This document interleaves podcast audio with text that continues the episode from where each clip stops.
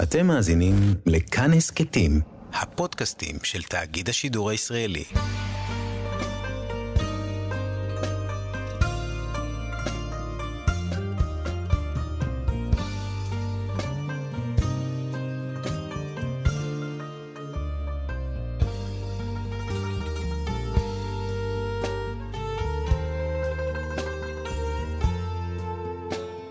שלום, כאן מורשת חברותא לימוד משותף עם רבנים ואנשי חינוך בנושא תנ"ך, הלכה ואמונה.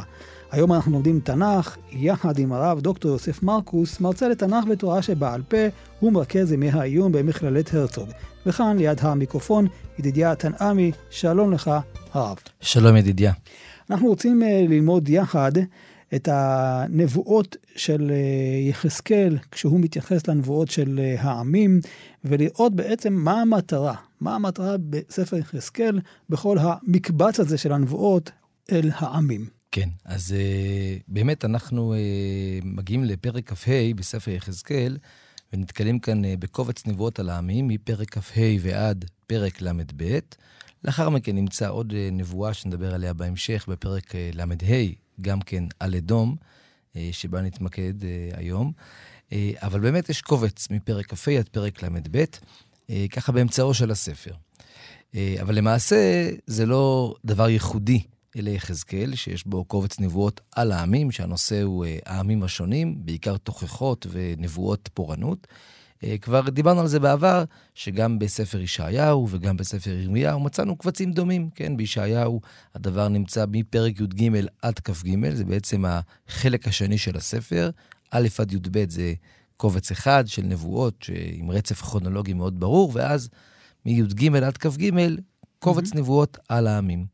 ואותו דבר גם אצל ירמיהו, רק ששם זה בסוף הספר, מפרק מ"ו עד uh, פרק נ"א. למעשה מצאנו את זה גם בנביאים נוספים, בתרי עשר, מספר נבואות על העמים.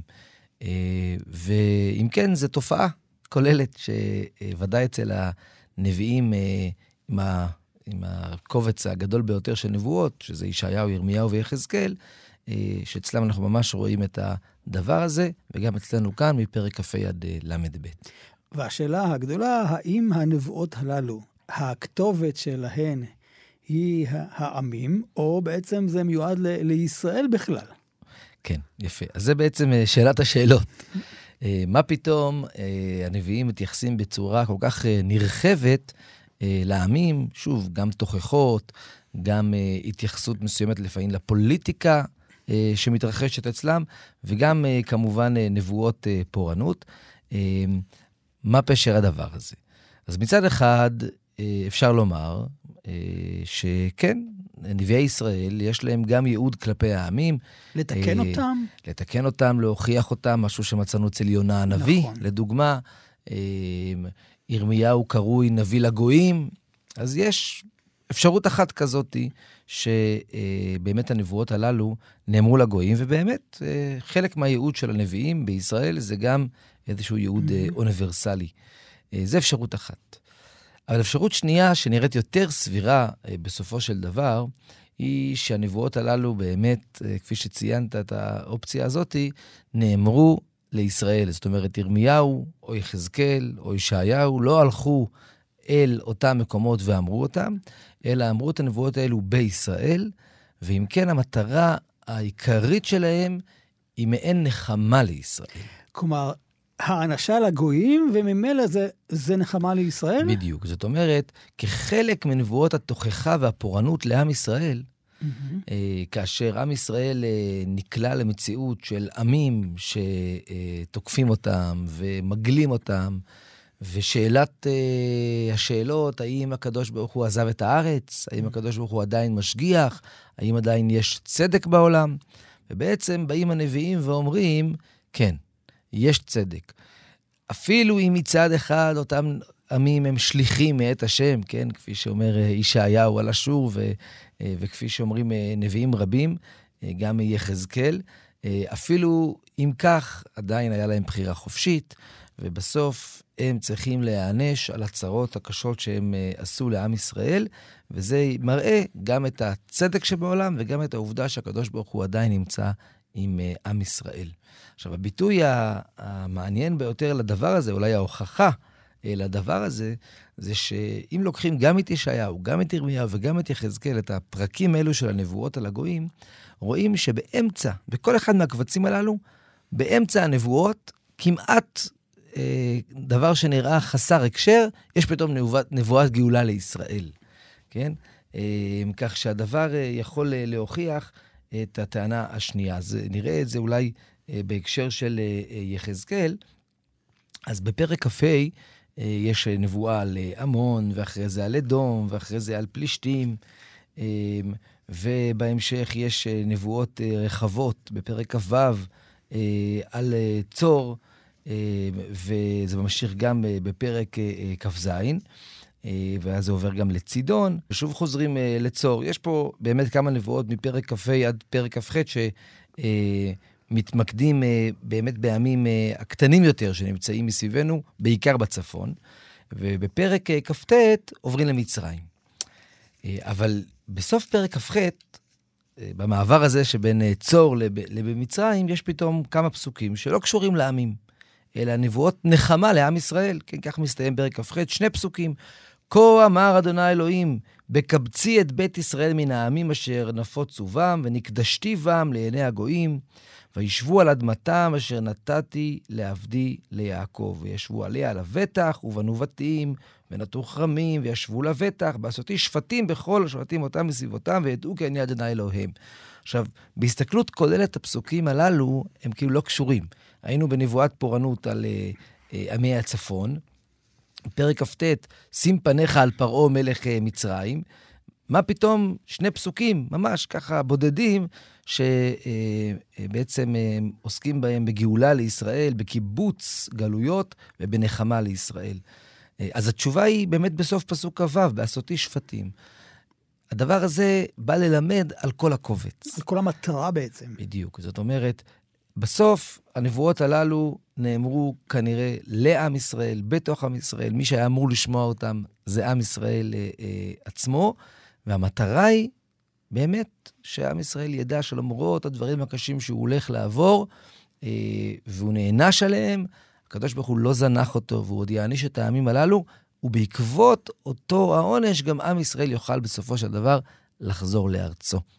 ויש כאן הדגשה על uh, הממלכה של אדום דווקא, נכון? היא בולטת יותר.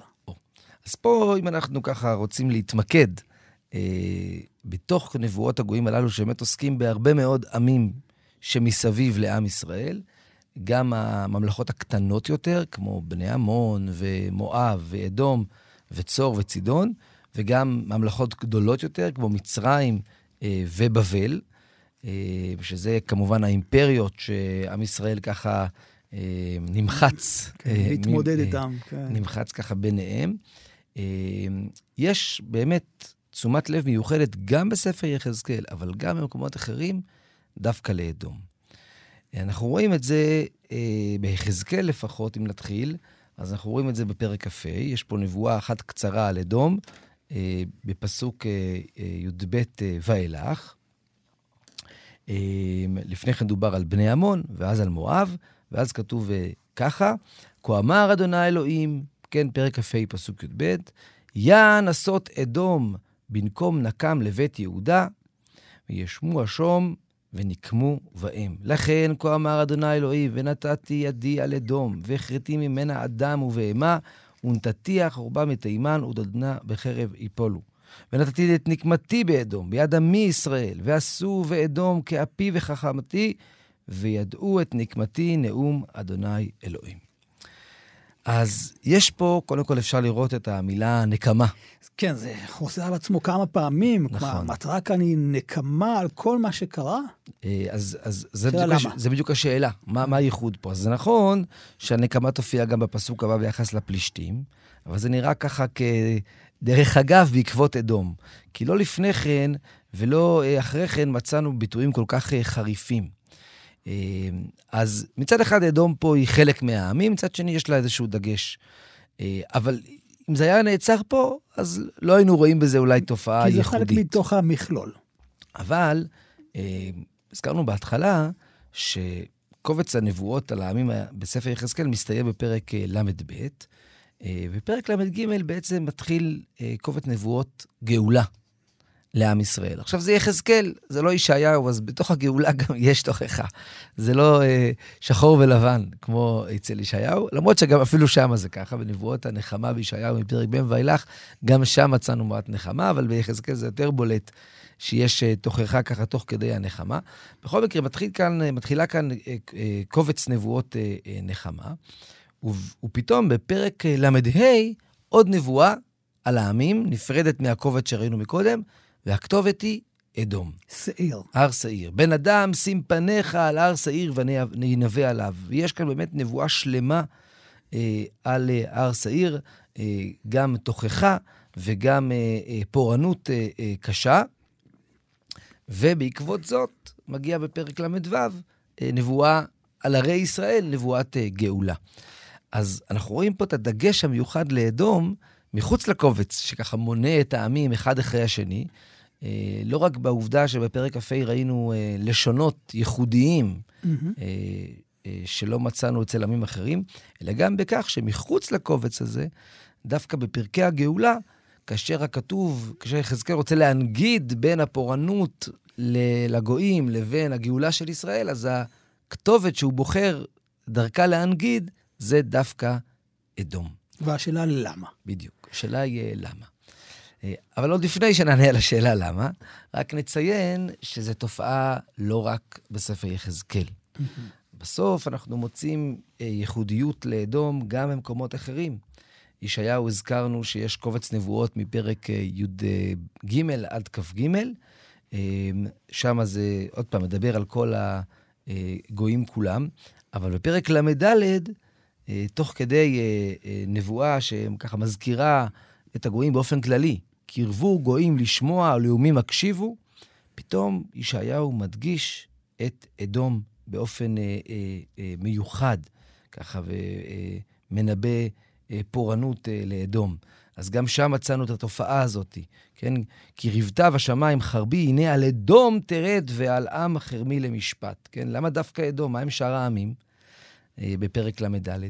ואפשר להזכיר את אה, נבואת אה, אה, עובדיה, כן, בתרי עשר יש לנו בעצם, אה, אה, אחד מתרי עשר זה נבואת עבודיה, הספר הכי קצר בתנ"ך.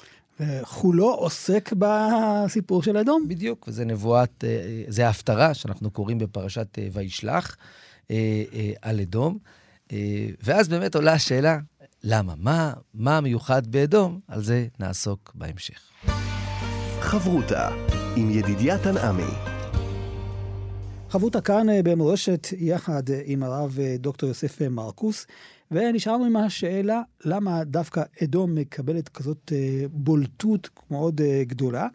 האם יש כאן שאלה, רק אולי שאלה היסטורית, או יש כאן משהו גדול יותר? אבל בואו נתחיל עם השאלה ההיסטורית, מה הסיפור של אדום בתקופה הזאת שיחזקאל מנבא, מה הם עשו לעם ישראל? כן, אז באמת, בסופו של דבר, יחזקאל מנבא בתקופת החורבן, ומי ש... החריב בעצם את ממלכת אה, יהודה, מי שהביא את החורבן לידי גמר היה כמובן אה, בבל, היו הבבלים, אשור התחילו והגלו את ממלכת אה, הצפון, ממלכת ישראל.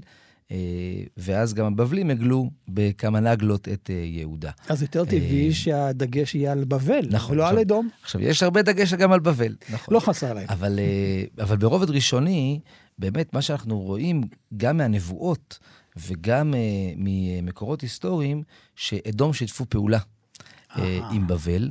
Uh, והדבר הזה לכאורה היה קשה יותר, דווקא בגלל יחסי קרבה שהיו בין אדום uh, לישראל בזמנים uh, שונים.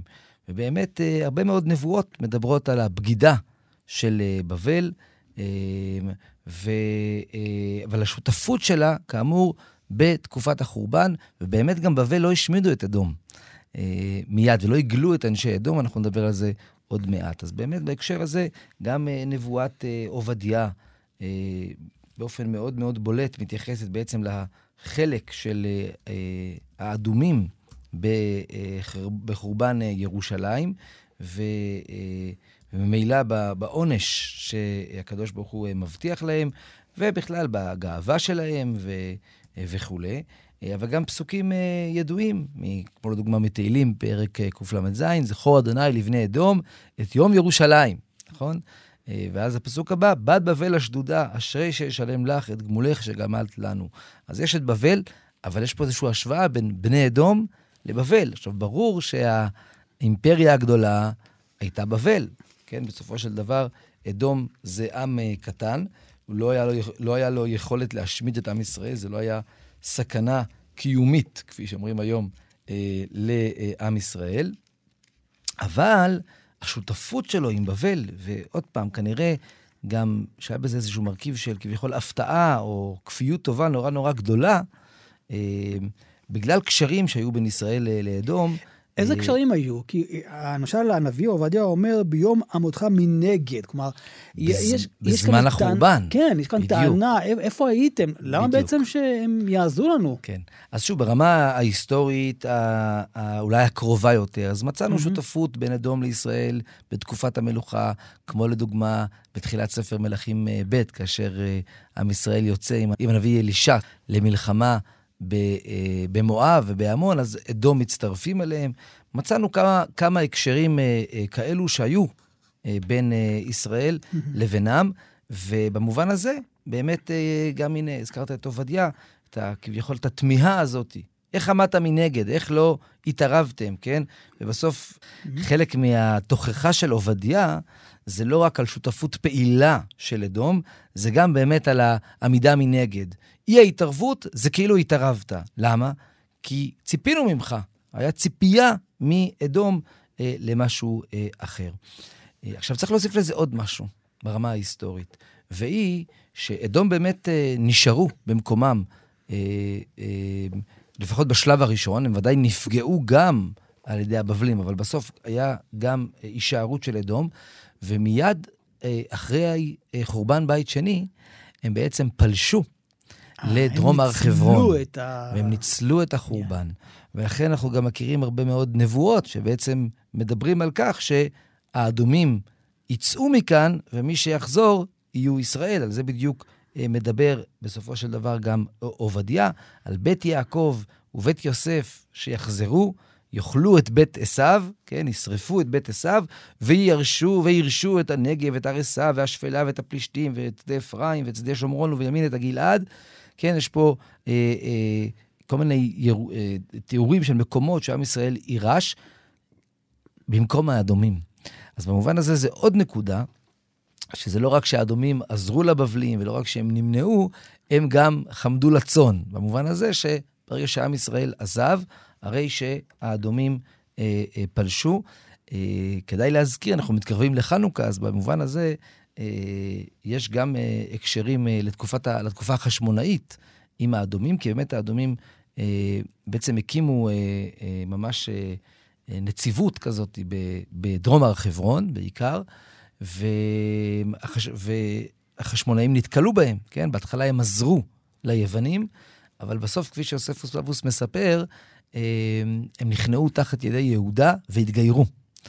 לפי יוספוס זה היה בכוח, לפי אחרים זה היה אה, גיור מרצון. מרצון, אבל מבחינה היסטורית, בסוף היה חלק מהאדומים שנטמעו בעם ישראל, כן? ואנחנו אה, זוכרים את הורדוס, שחז"ל אומרים, ונחזור על זה בהמשך, כי זו נקודה מעניינת בהקשר של הזיהוי בין אה, רומא לבין אדום, אבל הורדוס היה גר אדומי, כן? היה תופעה כזאת. עכשיו, כל זה מתחיל מחורבן בית שני ומהפלישה של האדומים אל תוככי אה, ארץ ישראל המערבית, אל אזור אה, דרום אה, הר חברון. ואם כן, אם אנחנו שואלים את עצמנו מה הדגש המיוחד באדום, זה באמת איזושהי בגידה של עם שיחסית היה לו קשרים עם עם ישראל, והוא לא עמד, מנגד, והוא עמד מנגד, הוא שיתף פעולה עם הבבלים, והוא גם לא גלה, לפחות לא כולו, אלא במקום זאת, ניצל את ההגליה של ישראל ופלש אה, לערים שלו. אז אני אשאל אתכם אם יש פה משהו גדול יותר. אני רוצה דווקא לצאת מהנבואה של עובדיה, שכאן בעצם אה, אדום אה, מוזכר בשם המקורי שלו, עשיו. וכנראה זה לא סתם. כלומר, אה, זה שהפסוק אומר, איך נחפשו עשיו, נבעו מצפוניו, זה כנראה גם רומז למקורות, אולי הוויכוח הראשוני שבין עשיו ובין יעקב? אז כאן באמת אנחנו מגיעים לנקודת מבט נוספת, שאולי מסבירה לנו את הייחודיות של הנבואות החריפות יותר והרבות יותר אה, על פורענות אה, לאדום, אה, ושזה לא רק במקרה עם שחי לידינו והיה שיתופי פעולה, וברגע האחרון הוא בגד, אלא בעצם אדום היא סמל. היא סמל אה, למאבק של ישראל עם אה, הגויים, אה, ולאיזושהי היפרדות בין ישראל לבין הגויים, סמל שבאמת מתחיל, כפי שהזכרת, אה, בספר אה, בראשית. אה, ופה אנחנו באמת מדברים על אה, עשיו ויעקב, ששני אחים, אה, שבעצם היה צריך להפריד ביניהם, כן? אנחנו אה, בעצם אה, נזכרים שזה, לפחות יצחק חשב ששניהם יוכלו להמשיך את עם ישראל, כן?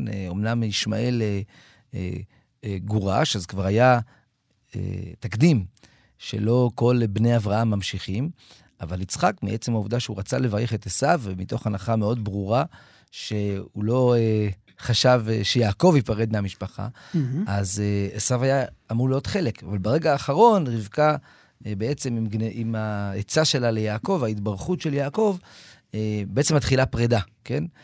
שזה לא רק מי הבכור, כמו בסיפור מכירת הבכורה, אלא זה ממש הפרדה.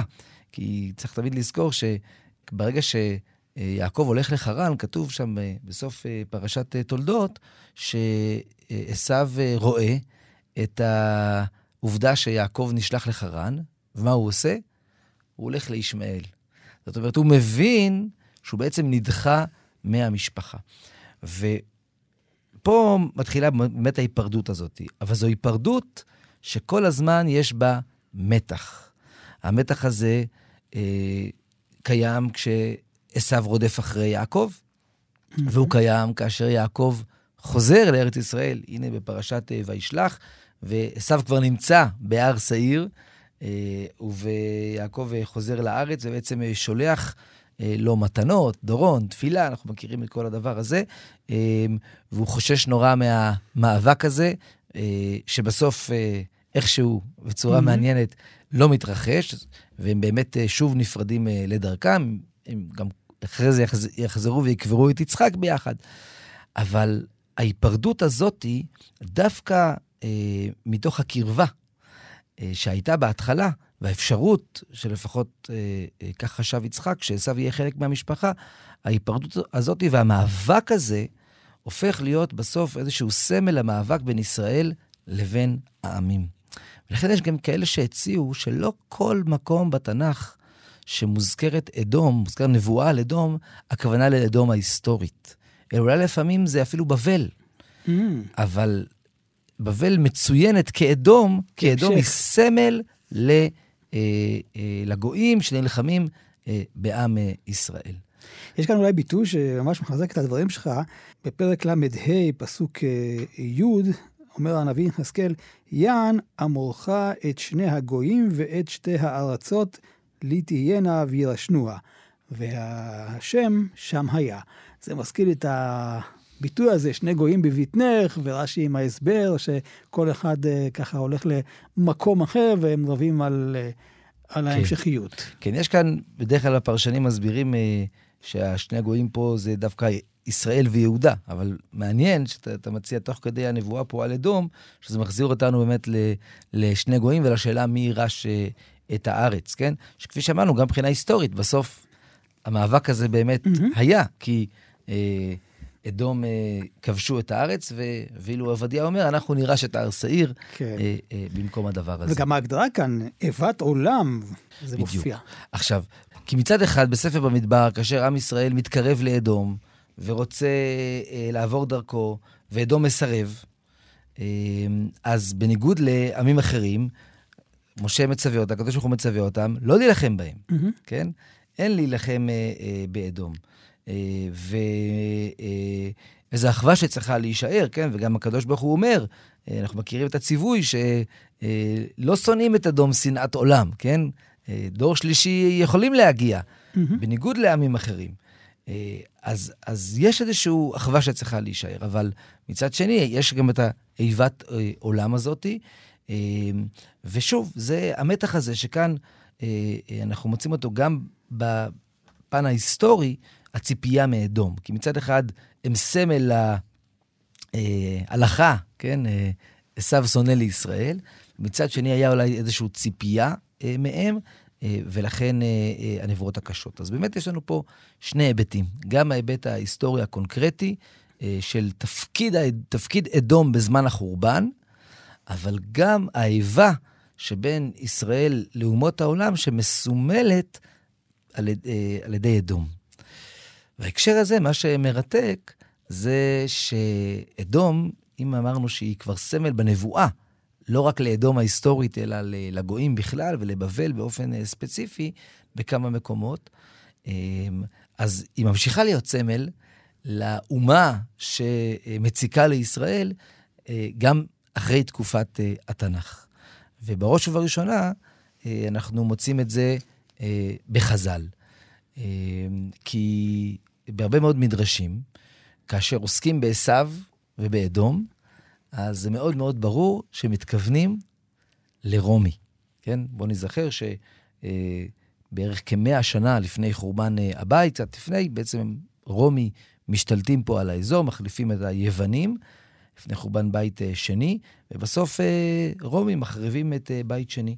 והרבה מאוד מדרשים באמת מדברים על רומי, ומכנים אותם אדום, כן?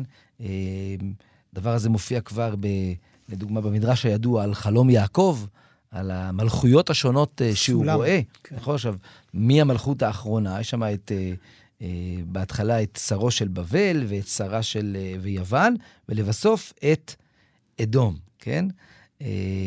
מי זה אדום אחרי יוון? ברור שזה רומי, כן? וזה נאמר גם במפור... במקומות אחרים במפורש. לדוגמה, הגמרא בגיטין, דף נ"ו עמוד ב', אה, טיטוס הרשע שחירף וגידף כלפי מעלה, יצתה בת קול ואמרה, רשע בן רשע בן בנו של עשו הרשע. כן, איזשהו זיהוי בין אה, אה, אה, טיטוס הרומאי לבין אדום. אה, ודף אחרי זה, בנ"ז עמוד ב' שם בגיטין, מלמד שהראו הקדוש ברוך הוא לדוד חורבן בית ראשון וחורבן בית שני. חורבן בית ראשון שנאמר על נהרות בבל, שם ישבנו גם בכינו. תהילים קל"ז mm-hmm. פסוק א'. חורבן בית שני דכתיב, זכור אדוני לבני אדום את יום ירושלים. עכשיו, בפשט ברור שמדובר על חורבן בית ראשון גם כן, אבל כן. הדרשה פה באה ואומרת, אדום החריבה את בית שני. מי זה אדום?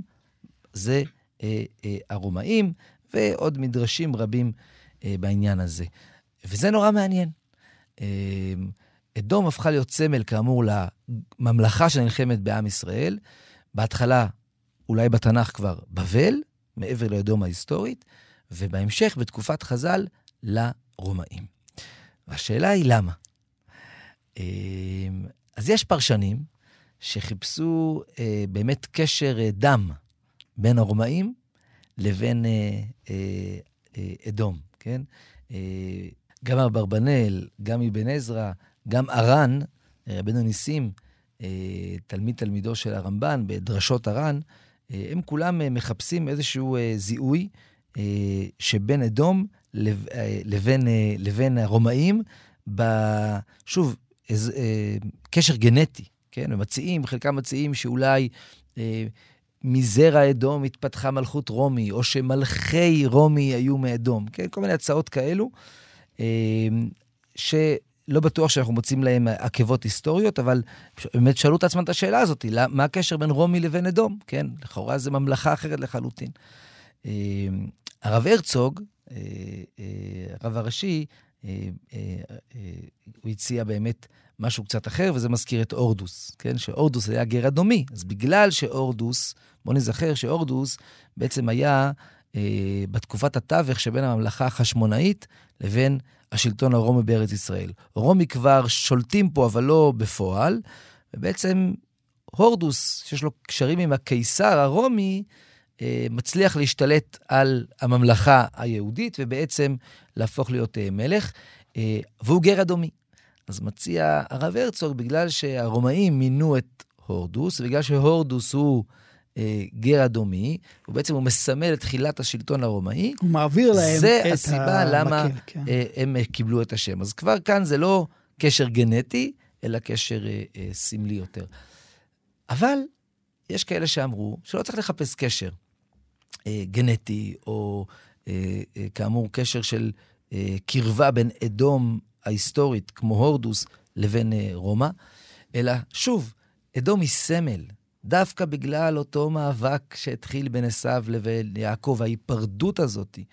אז כבר בתנ"ך, אדום היא כינוי, כאמור, לאומ, לאומה שנלחמת בעם ישראל.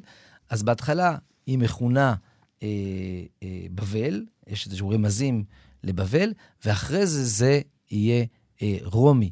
אה, לא שחז"ל התכוונו לומר שיש קשר גנטי בין אדום לבין רומי, אלא שנבואות שנאמרו על אדום, הם גם נאמרו על אותה ממלכה אה, עתידית שפוגעת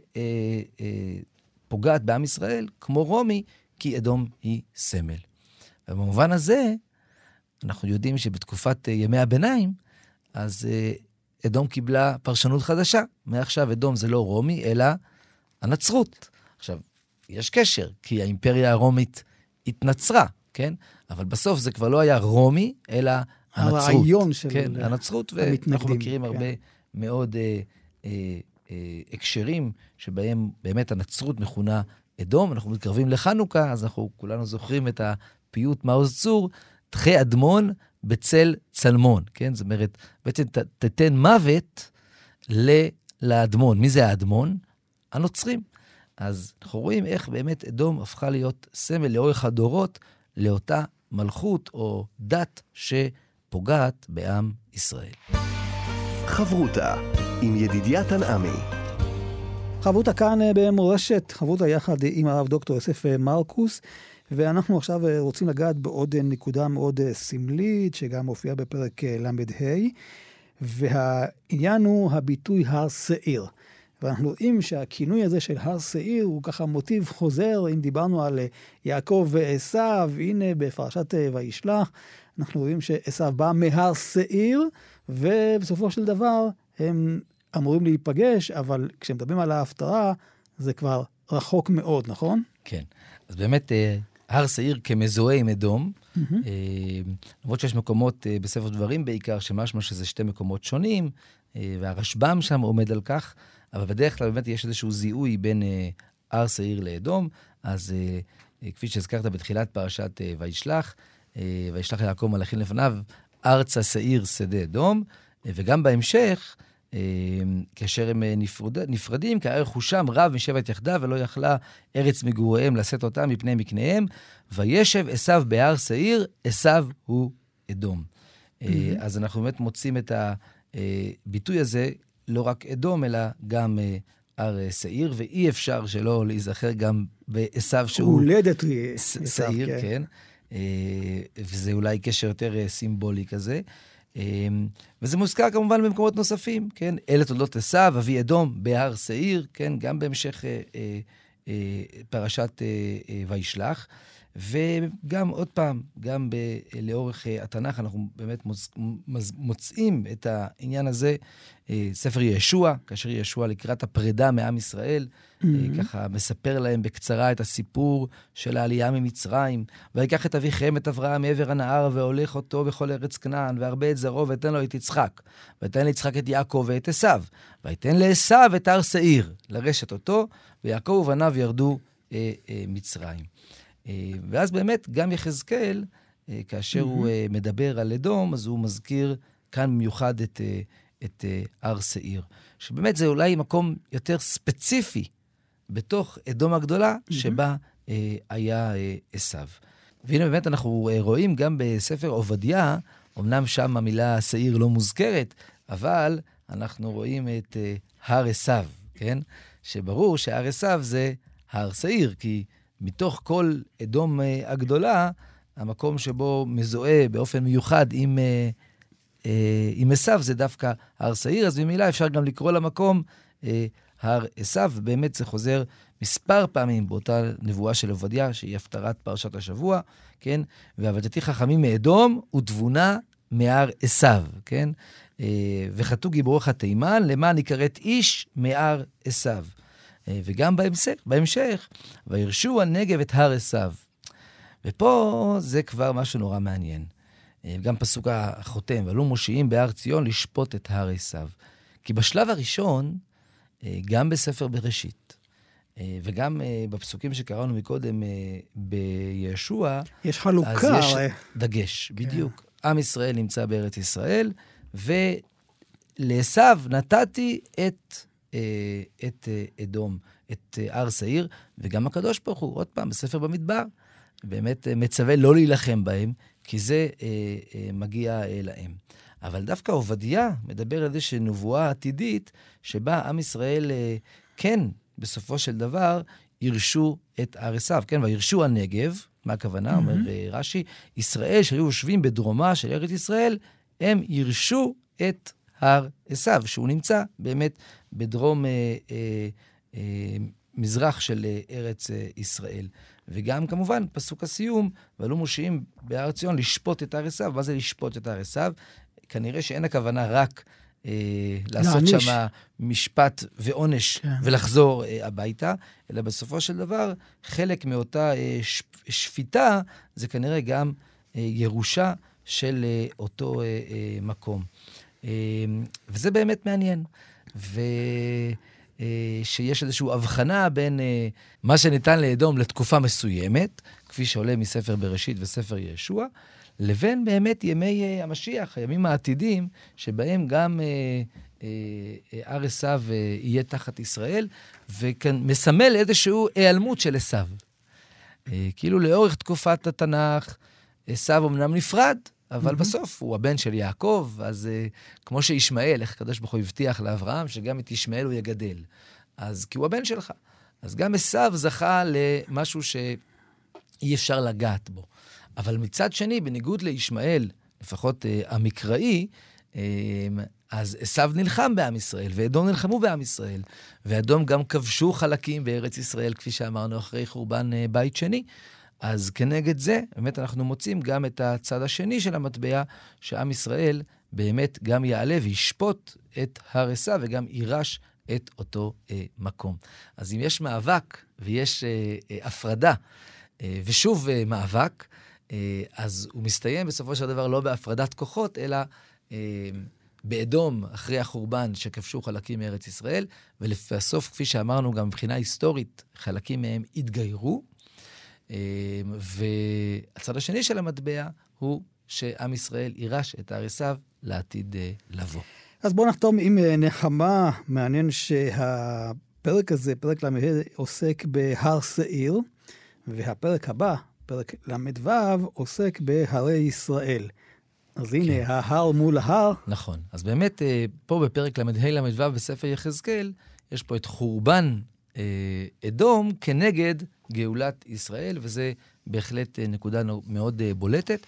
ושוב, קשורה לעובדה שכדי שעם ישראל ירגיש שהקדוש ברוך הוא איתו ויאמין בגאולה, הוא צריך גם לראות איך הקדוש ברוך הוא פוגע באדום, ששיתפו פעולה עם אה, הבבלים ופגעו בעם ישראל בצורה כל כך אה, אה, קשה.